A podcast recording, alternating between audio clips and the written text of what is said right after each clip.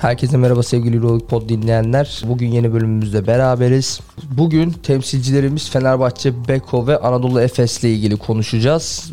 Eğer yer kalırsa da sürpriz sonuçlara yer vermeyi planlıyoruz. Bilmiş olduğunuz gibi çift maç haftasıydı ve 4 maç var. Yorumlayacağımız 4 tane maç var. İnşallah yer kalırdı sürpriz sonuçlardan bahsetmeyi ben çok isterim açıkçası. Çünkü çok çok bayağı farklı farklı sonuçlar oldu bu hafta Euroleague'de. Euroleague'i aslında cazip kılan da izlenmesini sağlayan da biraz da bu. Sonuçlar gerçekten çok oluyor. Önce Fenerbahçe ile başlayacağız. Fenerbahçe Beko Barcelona karşılaşması. Fenerbahçe son topta kaybetti bunu bu maçı. Aslında maçı güzel başladı Fenerbahçe. 12'ye 2 bir seriyle başladık. Yan Veseli'nin 12 sayısıyla başladık. Muhtemelen Barcelonalılar da biraz da şaşırdılar bu duruma. Çünkü topu bitir yani Dekolo yoktu. Dekolo ilk 5 değildi. Hani bu buradan biraz Yasikevicius'u şaşırtmış olabiliriz diye düşünüyorum ben. Çünkü şeyin üzerine set çizildi. Yan Veseli'nin üzerine set çizildi muhtemelen. Yan Veseli de finisher'lık yaptı ve gayet de harika bir finisher'lığı vardı. Ancak Tekrarda comeback ilk çeyrekte biraz oldu. Brandon Davis ve Corey Higgins biraz devreye girdiler. İlk çeyrek 20-15 tamamlandı. Aslında beklediğimiz bir sonuçtu. Güzel bir sonuç. İlk çeyrek için gerçekten Fenerbahçe hani kendi savunmasını gösterdi. Hani biz savunma yapabiliyoruz şeyini verdiler. Gerçekten bu gayet Fenerbahçe açısından çok olumlu bir şeydi. İkinci çeyrek biraz açıkçası sayı bulmakta zorlandık. Çünkü Barcelona'nın katı savunmasıyla karşılaştı Fenerbahçe. Alışık olduğumuz bir Barcelona savunması. Bilmiş olduğunuz gibi Barcelona bir savunma takımı. İşte Kaykur ile Mirotic'in savunmalarına takıldık biraz. Yani Kaykur ile Mirotic hani bu maça çok etki edemediler. Tabii ki de Mirotic'in son saniye basketi var. Ancak savunma kısmında gerçekten çok iyi iyi bir takımlar. iyi bir ikililer bu konuda. Hani beraber oynadıkları zaman gerçekten çok etkili olabiliyor bu ikili. Sert savunmalarını gösterdiler. Biraz Yavuz yüzlerini Fenerbahçe'ye karşı göstermiş oldular. Fenerbahçe Beko'da sayı bulmakta biraz güçlük çekti. Aynı şekilde savunmada da biraz eksiklerimiz oldu ve devreyi 29 29-35 tamamladık. Aslında yine bir ışık vardı Fenerbahçe açısından. Çünkü çok kötü bir oyun sergilemiyordu Fenerbahçe. Üçüncü çeyreğe geldiğimizde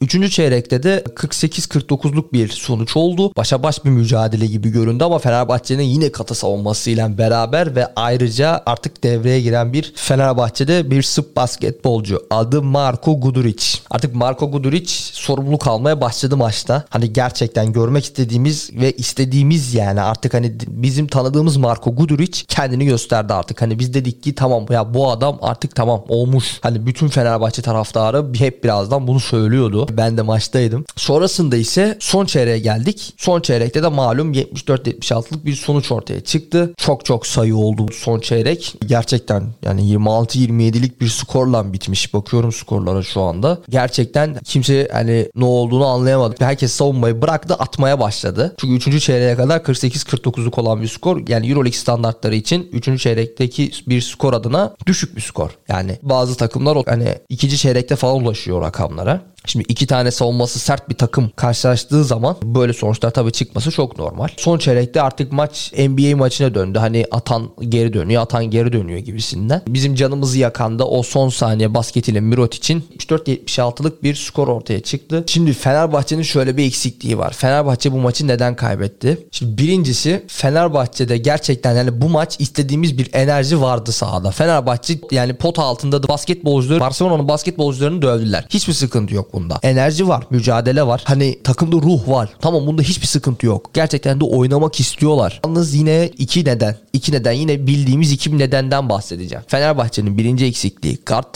guard, kesinlikle bir takıma bu takıma bir guard lazım. Bu takımda kim karar veriyor kim yani kim ne yapıyor belli değil. Bu takımı kim yönetiyor belli değil. Şimdi bunu hala şey yapamadık. Dekolo'yu eğer biz oyuna aktif bir şekilde sunmak istiyorsak Fenerbahçe'ye guard lazım. Kesinlikle bir guard lazım. Hani Meryl Şavuk'u git guard yap bir şey yap ama yap. Lütfen. Hani Meryl Şavuk'u mesela bu takımın ana gardı yapabilirsin. Koç Georgievic. Ancak bunu yapman lazım. Eğer bunu yapamazsan gerçekten hani olmuyor. Ya gidin o zaman bir guard alın. Fenerbahçe'ye kesinlikle bir guard lazım. Yine sportmenlik dışı fauller. Saçma salak. Hani anlamlandıramadığımız, anlam veremediğimiz bir hakem hakem üçlüsünün vermiş olduğu bazı kararlar. Ya yeter. Yeter yani. Hani artık bu işte can sıkmaya başladı. Zaten Fenerbahçe Beko maç sonunda bir açıklama yaptı. Ha tabii bu ne kadar çok etki olur bilmez ama hani en azından bir böyle bir şey istiyorduk. Böyle bir şey istiyorduk ve gerçekleşmiş oldu. Bizim için de gerçekten iyi bir şey. Fenerbahçe'de enerji var. Polon Aran'ın enerjisi var Gerçekten var ama onun biraz da rakamlarının arttırması lazım. Yani şöyle hem Djordjevic'in ona verdiği süreyi arttırması lazım. Eğer süre artarsa zaten bu adam da sayıları da bulur. Djordjevic oyuncuları zaten oyuncularıyla zaten var olan bir basketbol adamı Djordjevic. Djordjevic zaten basketbolcularıyla öne çıkan bir basketbol adamı hani mecbur bu adamları oynatmak zorunda. Çünkü bir şey yapamaz. O adamın elinden bir şey gelmez. Dekolo'yu oyuna sokamadı, devreye sokamadı. Dekolo'yu devreye sokamamasının sebebi işte dediğimiz bu guard sıkıntısı. Fenerbahçe'nin guard problemini kesinlikle çözmesi lazım. Barcelona Barcelona'yı bu hani bu maç gerçekten çok güzel tuttuk ama dediğimiz gibi yani işte son saniye topuyla kazandılar Mirotic'in de bu da işte yıldız basketbolcu olmasının en büyük nedeni. Yani bir Mirotic bu maçta hiçbir şey yapmadı. Hani gerçekten rebound almak dışında başka hiçbir şey yapmadı. Hani serbest atış dahi kaçırdı ama işte yıldız basketbolcu şeyini burada ortaya koydu. Hani bir atışıyla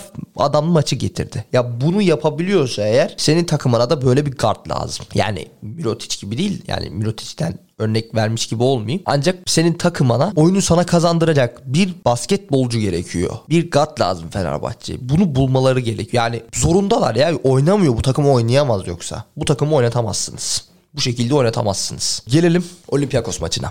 Şimdi Olympiakos maçında ise Fenerbahçe yine görmek istediğimiz bir Fenerbahçe vardı sahada. İlk çeyreği 19-14'e karşı kapattılar. İlk yarı 45-34 bitti. Hani geriden geliyordu Fenerbahçe. Bir 10 sayı falan geriden geliyordu. Olsun hani Fenerbahçe yine ancak hiçbir zaman mücadelesini bırakmadı. Onlar yani Olympiakos üçlüye çok yüklendi. Yani durmadan üçlük denediler. Hemen dışarıya çıkartıyor topu üçlük. Dışarıya çıkartıyor topu üçlük. Dışarıya çıkartıyor topu üçlük. Yani ben Sulukas'ın ilk defa 4 kere üçlük denediğini ve üçünde de başarı bulduğunu ben hayatım boyunca ilk defa görüyorum. Hani ben Fenerbahçe'de oynarken bu adam bu kadar üçlük denemiyordu da hani attığı belki maçlar olmuştur ama çok nadirdir. Aynı şekilde Tyler Dorsey de ya deli gibi üçlük deniyor. Thomas Welkup deli gibi üçlük deniyor. Allah Allah üçlük. Allah Allah üçlük. Papa Nikola 4'te 1. Sasha Vezenkov 7'de 1. Adamlar deli gibi üçlük denediler. Yani bir anda Efes kimliğine bürünmeye çalıştı Olympiakos. Ha, bunu başaramadı. Bunu başaramadılar. Ancak şöyle bir problem vardı. Fenerbahçe'de sayı bulamadı. Şimdi ilk çeyrek ve ikinci çeyreğe baktığımızda Fenerbahçe iyi bir şekilde savunma örneği gösterdi. Evet ama Olympiakos buldu yani üçlükleriyle buldukları rakamlarla öne geçti zaten. Farkı da o kadar arttırdılar. Pota altında yoksa Fenerbahçe iyi bir savunma gösterdi. İyi bir karakter ortaya koydu. Ancak şimdi şu maçta görmek istediğimiz iki tane basketbolcu vardı sahada. Biri Şeyh Muzazer, diğeri de Akile Polonara. Şimdi ikisinin de rakamlarına bakıyoruz. Şimdi Şemuz 3 dakika oynamış. Akile Polonara da 4 dakika. Şimdi şöyle bir sıkıntı var. Eğer sen Olympiakos gibi hareketli bir takıma karşı oynuyorsan bu iki adamı kesinlikle sahaya atman lazım. Her ne olursa olsun. Şimdi maçı izleyenler, maçı takip edenler muhtemelen az çok anlayabilmişlerdir diye düşünüyorum. Maç çok hızlıydı. Hani iki paslı, üç paslı bir anda orta saha geçiliyordu. NBA maçı gibiydi. Ya sen bu maçta bu adamları oynatmak zorundasın. Bu maçta bu adamlar oynamak zorunda. Akile Polonara oynamak zorunda. Şemuz Azer oynamak zorunda. Sen bu adamları oynatmak zorundasın. Bu adamlar hareketli hızlı adamlar. Yani bu adamlar sana maçı kazandırabilirdi. Evet kazandırabilirdi. Niye kazandırabilirdi? Çünkü bu adamlar hızlı oyun basketbolcular. Koşuyorlar yani enerjileri hiç bitmiyor. Zaten Kile Polonara istedik yani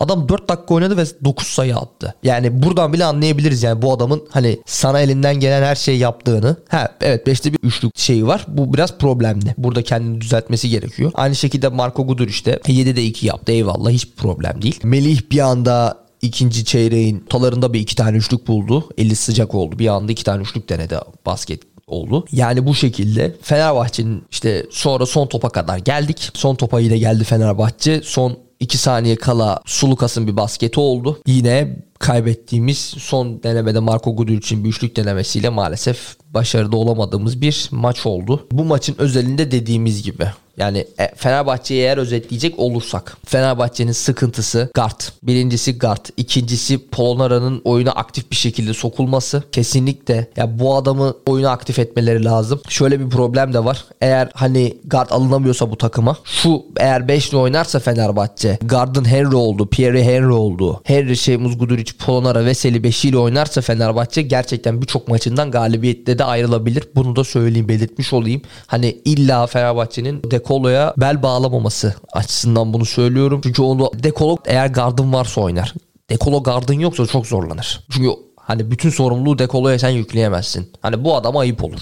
Öyle diyeyim. Fenerbahçe defterini bu şekilde kapatıyoruz ve Anadolu Efes'e geçiyoruz. Efes ilk maçından 95-69 gibi çok kötü bir skorla kaybetti. Bu skor bana biraz şey hatırlattı. Geçen seneki Fenerbahçe Efes maçını hatırlattı. Orada da böyle bu rakamlara yakın bir fark vardı sahada. Şimdi Efes'in sıkıntısı şu. Efes genelde topu oyunu kurduğu zaman topu pota altına indiriyor. Pası üçlükçüye vuruyor. İşte bu üçlükçü kim olur? Larkin, Mitsic, Boboa. İşte yeri geliyor Simon bile oluyor yani. İşte Singleton, ekstralar bunlar. Bu adamları indirdiği zaman bu adamlar üçlük buluyordu. Yani Efes'in genelde oyun oyun anlayışı bu oluyordu. Pot altında da kim duruyordu? Sertaç duruyordu veya Tibor Plyce duruyordu. Şimdi Sertaç gitti, Tibor Plyce geldi. Tibor Plyce kötü bir basketbolcu değil. Tibor Plyce gerçekten ben hani EuroLeague'de beğendiğim uzunlardan bir tanesi. Hem oyun kurabiliyor, üçlük deneyebiliyor. Üçlük hani üçlük başarısı da var uzun boyuna rağmen. Hani biraz da kalıplı olsa yok işten gerçekten farkı yok benim gözümde. Ha, tabii şöyle bir sıkıntı var. Efes'te de Larkin devreye giremiyor.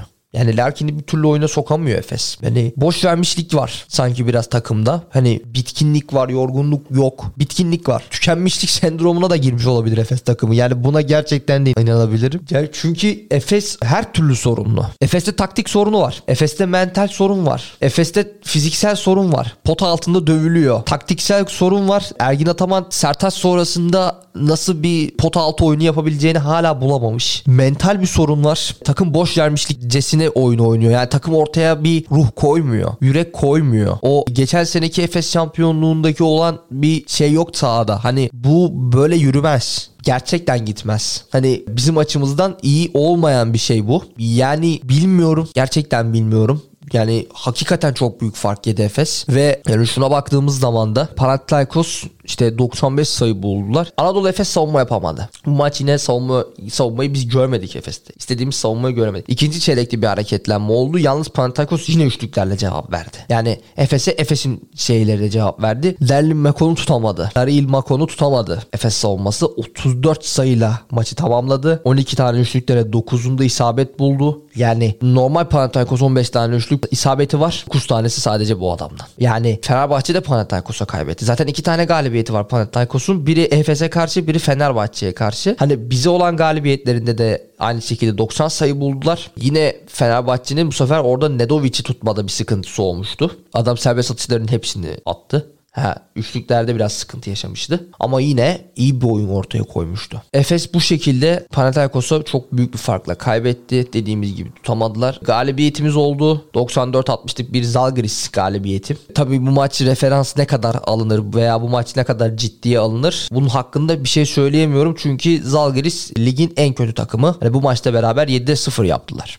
Hani gerçekten hani bir iddiası olmayan bir takım. Hani biz bunu görüyoruz. Muhtemelen Zagris playoff'lara kalamayacak. Şöyle bir şey var. Efes yani dediğimiz gibi. Ha evet bu maç biraz ortaya işte şey konuldu. Karakter konuldu gibi gösterildi gibi geliyor bence. Çünkü yine takımda bir boş vermişlik vardı. Hani sayıları bulurken, işte atak yaparken, hücum yaparken ya bu takım bizim istediğimiz takım gibi oynamadı. Bunu izleyenler de zaten anlamıştır. O istediğimiz takım yoktu sahada. Biz onu anladık zaten. Yani Efes yine boş vermiş gibi oynadı. Ha belki de ligi bıraktığından dolayı artık bence Zagris maçını kazandılar. Ancak tabi atlanılmaması gereken belki de bu maç kazandığımız bir Filip Petrusev var. Aynı şekilde bence çok değerli bir basketbolcu Vasilya Misic. Yani Misic'i bence bu maçta kazanmış olabiliriz. Bence yani bu maç artık kendini göstermesi gereken bir maçtı. Aynı şekilde Shane Larkin de öyle. Ama dediğimiz gibi yani Efes'te şöyle bir sıkıntı var. İki maçta da baktığınız zaman izleyenler de anlamıştır. Bunları tekrar tekrar söylemek zorundayım. Yani takımda ruh yok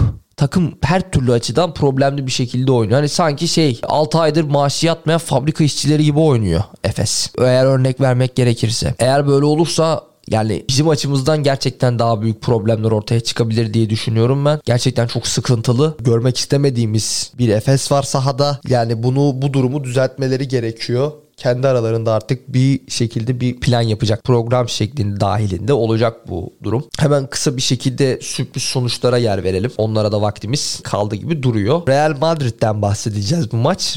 Real Madrid Unix kazan maçı 65-58 ile sonuçlandı. Yani Unix Fenerbahçe'den 40 sayı fark yedikten sonra biraz toparladı gibi durdu. O maç Anadolu Efes'e de kaybettiler sonra. Ancak Baskonya ile Real Madrid iki tane İspanyol devini yendiler. Real Madrid 58 sayıda tutmak gerçekten hani büyük bir gayret, büyük büyük bir başarı gibi diyorum ben. Ancak dediğim gibi yani başarı olursa olur. Unix kazan adına. Onlar da playoff'ları düşünüyorlar. İkinci bir şekilde örneğe bakalım. Bakacak verecek olursak. Olimpia Milano Kızıl Yıldız maçı var. 69-62'lik bir skorla bitti o maçta. Yani maç ilk çeyreği 24 6 şeklinde sonuçlanmıştı o maçında. Bu şekilde bizimleniz için çok teşekkür ederim. Kendinize çok iyi bakın.